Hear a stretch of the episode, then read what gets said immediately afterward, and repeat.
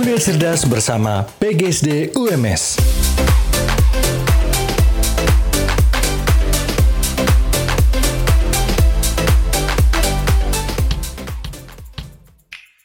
Assalamualaikum warahmatullahi wabarakatuh. Kembali dalam podcast Kuliah Cerdas bersama PGSD UMS Dan saya Iqbar Ashari akan menemani dalam podcast kali ini. Dan kali ini podcast Kuliah Cerdas bersama PGSD UMS akan membahas mengenai perkembangan bahasa Uh, topiknya tentang belajar bahasa asing bagi anak. Nah, bagaimana sih sebenarnya um, anak itu mempelajari bahasa asing? Karena selain bahasa ibu, uh, anak di sekolah nantinya juga akan mendapatkan bahasa pelajaran bahasa asing dan juga bahasa daerah juga. Itu tidak lepas begitu ya. Tapi saya tidak akan membahas sendiri. Sudah ada bersama Akbar di sini. Beliau adalah salah satu dosen PGSD UMS Mas Topik. Halo. Topiknya adalah Halo. Mas Topik. Iya, Mas Taufik. Topiknya adalah Mas Topik. Topiknya Dan- akan dibahas Mas Taufik. betul. Dan kita eh, berbicara mengenai perkembangan bahasa. Belajar bahasa asing bagi anak ini. Nah, bahasa asing bagi anak itu eh, gimana sih sebenarnya untuk untuk anak nangkep itu pelajaran bahasa asing? Manfaatnya maksudnya. enggak juga manfaatnya sih sebenarnya eh, anak ketika diberikan bahasa asing. Anda bingung ya? Daripada anda bingung. kita dengerin lagi dulu berikut ini. Yang mana-mana dalam tetap di podcast cerdas bersama PGSD UMS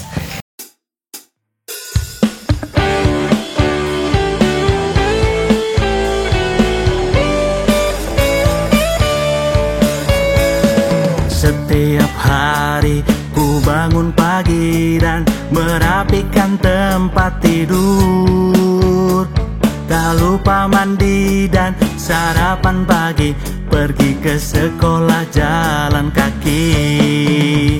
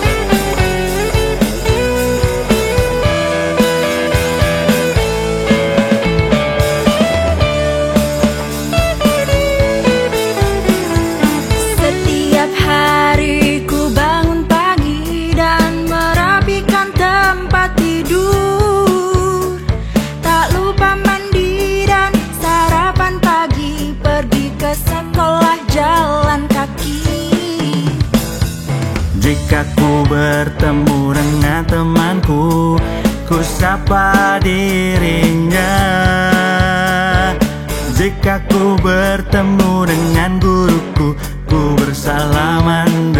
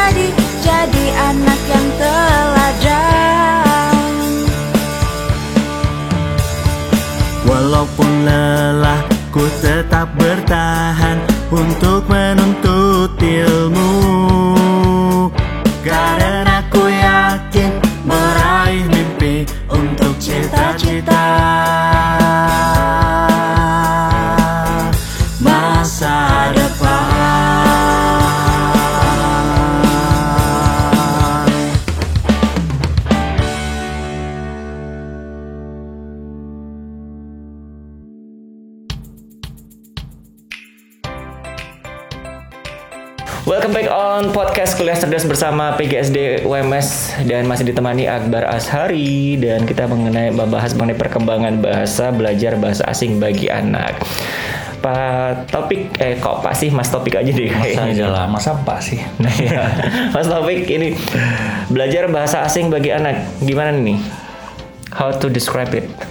Oke, jadi anak-anak itu kan pertama yang pasti belajar bahasa ibu ya. Di bahasa ibu, ibu itu apa sih? Bahasa, pertama yang di- biasanya yang dimiliki oleh orang tua. Jadi kalau kita nih lahir dari orang tua orang Jawa, ya mungkin bahasa ibunya Jawa, bahasa Jawa. Kalau dari orang Sunda berarti bahasa ibunya bahasa Sunda. Nah, selain bahasa ibu itu disebut namanya bahasa asing. Jadi sebenarnya bahasa Indonesia pun bisa dikatakan bahasa asing ya. Itu karena bukan bahasa ibu dari si anak itu. Kenapa kita harus belajar bahasa asing? Anak-anak kenapa belajar bahasa asing? Ada banyak manfaatnya. Tapi di sini mungkin ya aku mau bahas tujuh aja lah ya. Hmm, tujuh aja. Kenapa hanya tujuh? Nanti durasinya udah cukup. Karena durasinya nggak cukup ya. Tujuh aja lah biar cukup lah ya. Oke, ya udah dari sekian banyak manfaat yang ada gitu kan. Eh, bener. Eh, manfaatnya apa aja sih?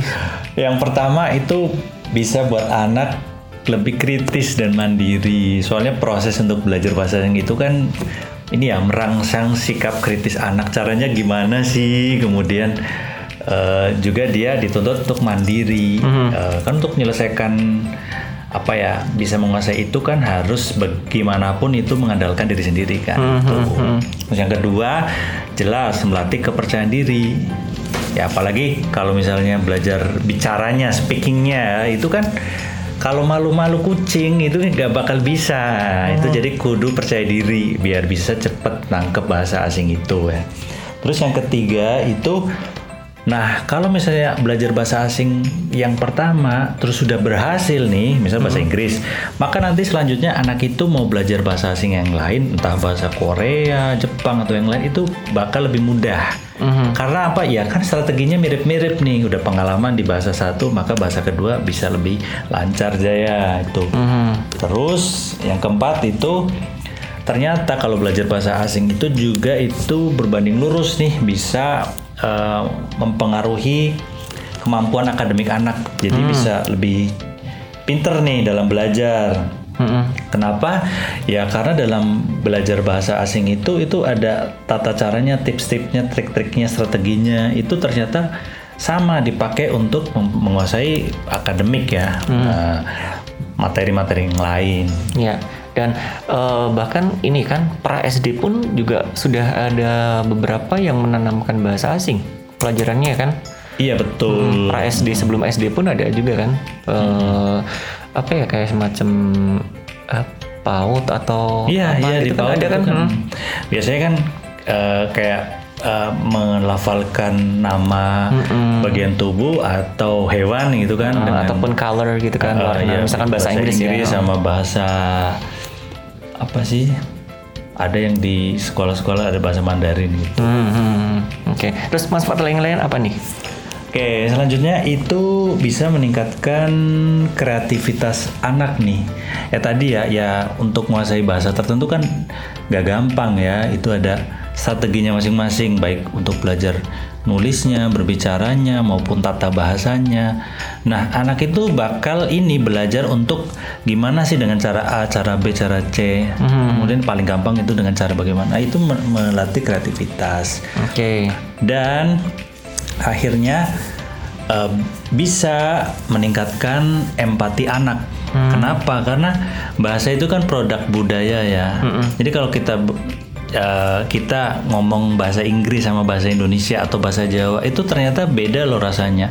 Nggak hanya tentang bahasanya saja, tapi juga tentang konteksnya ya, tentang konteksnya, terus eh, apa namanya, eh, apa sih perspektifnya gitu ya. Jadi nilai-nilainya juga berbeda.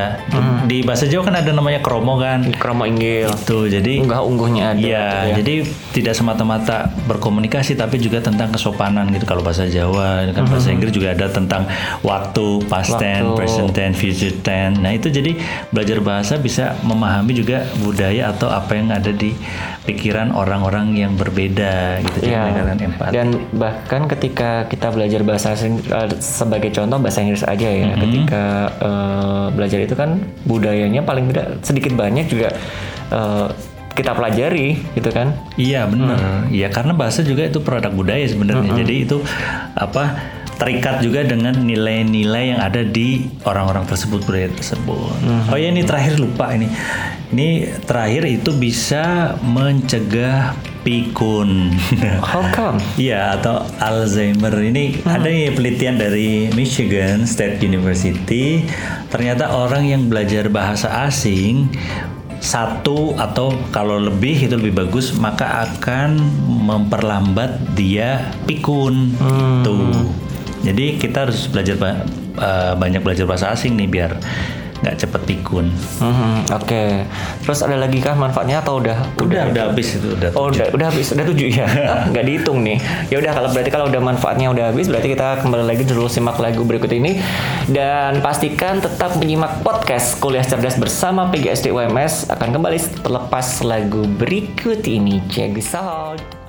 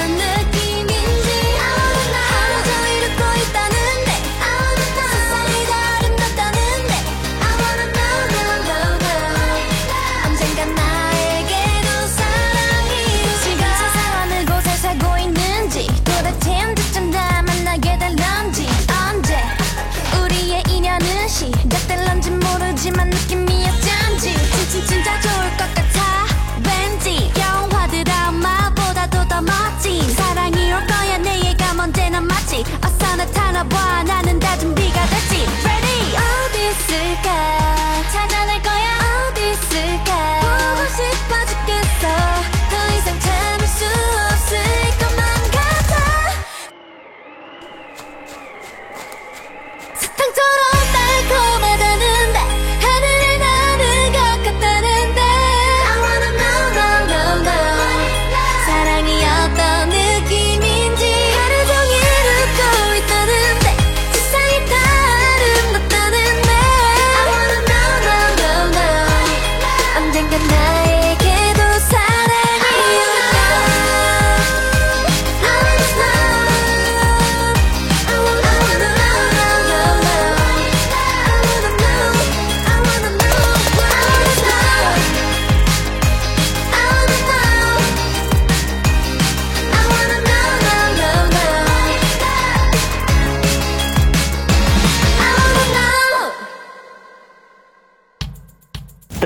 Buat yang sudah mendengarkan podcast Kuliah Cerdas bersama PGSD UMS ataupun yang setengah menyimak podcast Kuliah Cerdas bersama PGSD UMS, mudah-mudahan ini membawa manfaat.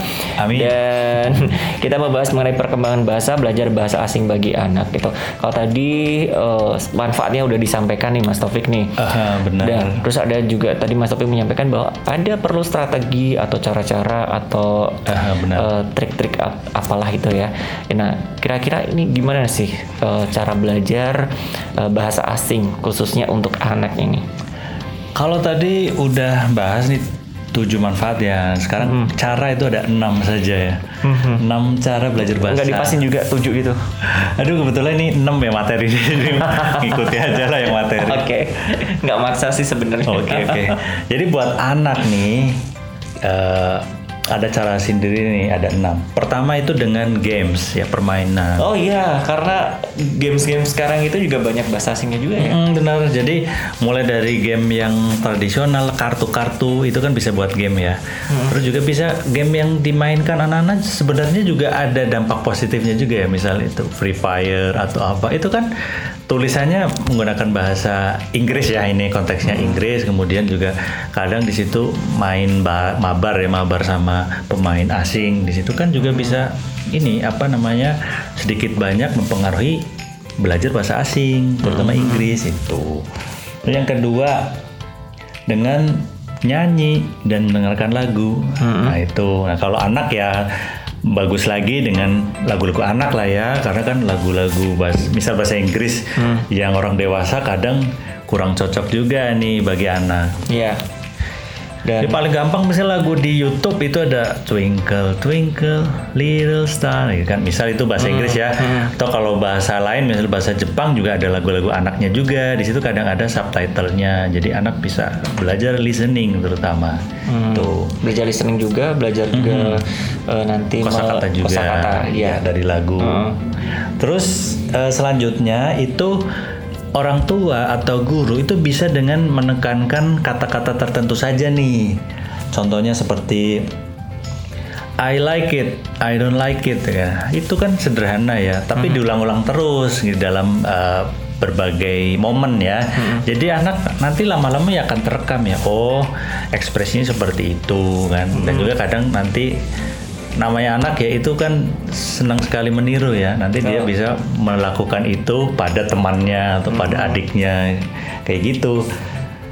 Nah, terus selanjutnya ini bisa difasilitasi beri buku yang bilingual ya dua bahasa. Misalnya Indonesia Arab atau Indonesia Inggris apa Jepang atau- Indonesia Inggris. Itu jadi anak selain dia Multi bisa baca ya. yang iya bisa baca dari bahasa yang tadi bahasa Indonesia misalnya dia juga oh lihat nih di lirik yang sampingnya nih bahasa yang lain gitu Oke, terus ada yang next lagi. ada yang selanjutnya ini nomor 5 ada bisa kamus bergambar. Nah, ini nih cocok ya. Dulu aku juga belajar bahasa Inggris ini pakai kamus bergambar itu. Masih ingat sekali itu warna covernya itu warna merah dan isinya itu kamus tapi ada gambarnya jadi mulai dari apple ada gambar ap- ap- apel dan sampai Z itu zebra. Itu ya dibaca-baca terus karena ya gambar ya. Anak itu pertama lihat gambarnya tapi juga secara tidak langsung baca kosakatanya akhirnya bisa nih dikit-dikit gitu kan. Jadi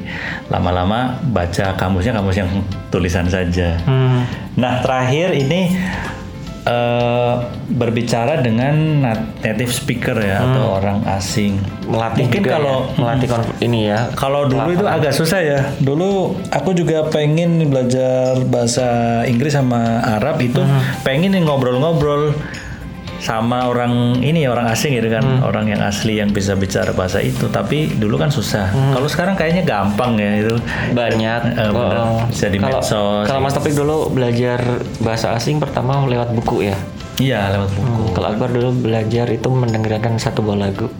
Lagu apa? Terus lagu bahasa, bahasa Inggris sih, maksudnya belajar bahasa Inggris waktu itu eh, dengerin satu lagu, terus mencoba untuk nulis uh, walaupun itu belum bener tulisannya gitu kan. Iya, iya. Jadi kan itu ngelatih dua hal, Listening, Uh, listening sama writing kan, Writing, Uh, oke. listening sama writing juga gitu kan. Mungkin Ya ya ya. uh, itu met- metode yang banyak cara lah orang ketika atau apalagi anak-anak gitu kan tadi kalau disampaikan uh, games games juga Iya benar-benar. permainan-permainan. Pokoknya intinya semua cara ini sesuatu yang menyenangkan dan anak-anak banget. gitu. Hmm, Jadi bisa diterima dengan mudah dan akhirnya daya tangkapnya untuk bahasa asing itu lebih cepat. Oke, berarti udah lengkap ya tentang Udah, eh, lengkap. manfaatnya gimana, kemudian triknya bagaimana untuk menyampaikan eh, gimana sih perkembangan bahasa, apalagi bahas mengenai belajar bahasa asing bagi anak. Baik, terima kasih ini eh, Mas Taufik udah gabung di podcast Kuliah Cerdas bersama PGSD UMS dan terima kasih juga untuk yang sudah mendengarkan podcast ini.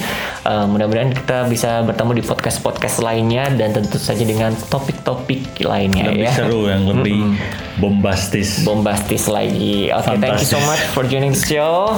Terima kasih yang sudah menyimak podcast Kuliah Cerdas bersama PGSD UMS dan kita akan bertemu di podcast-podcast lainnya tentu saja membahas materi-materi yang beda ya Mas Topik ya. Iya, betul Oke. sekali.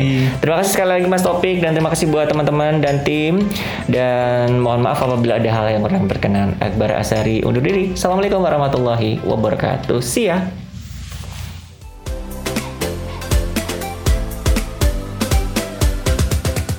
Kuliah cerdas bersama PGSD UMS.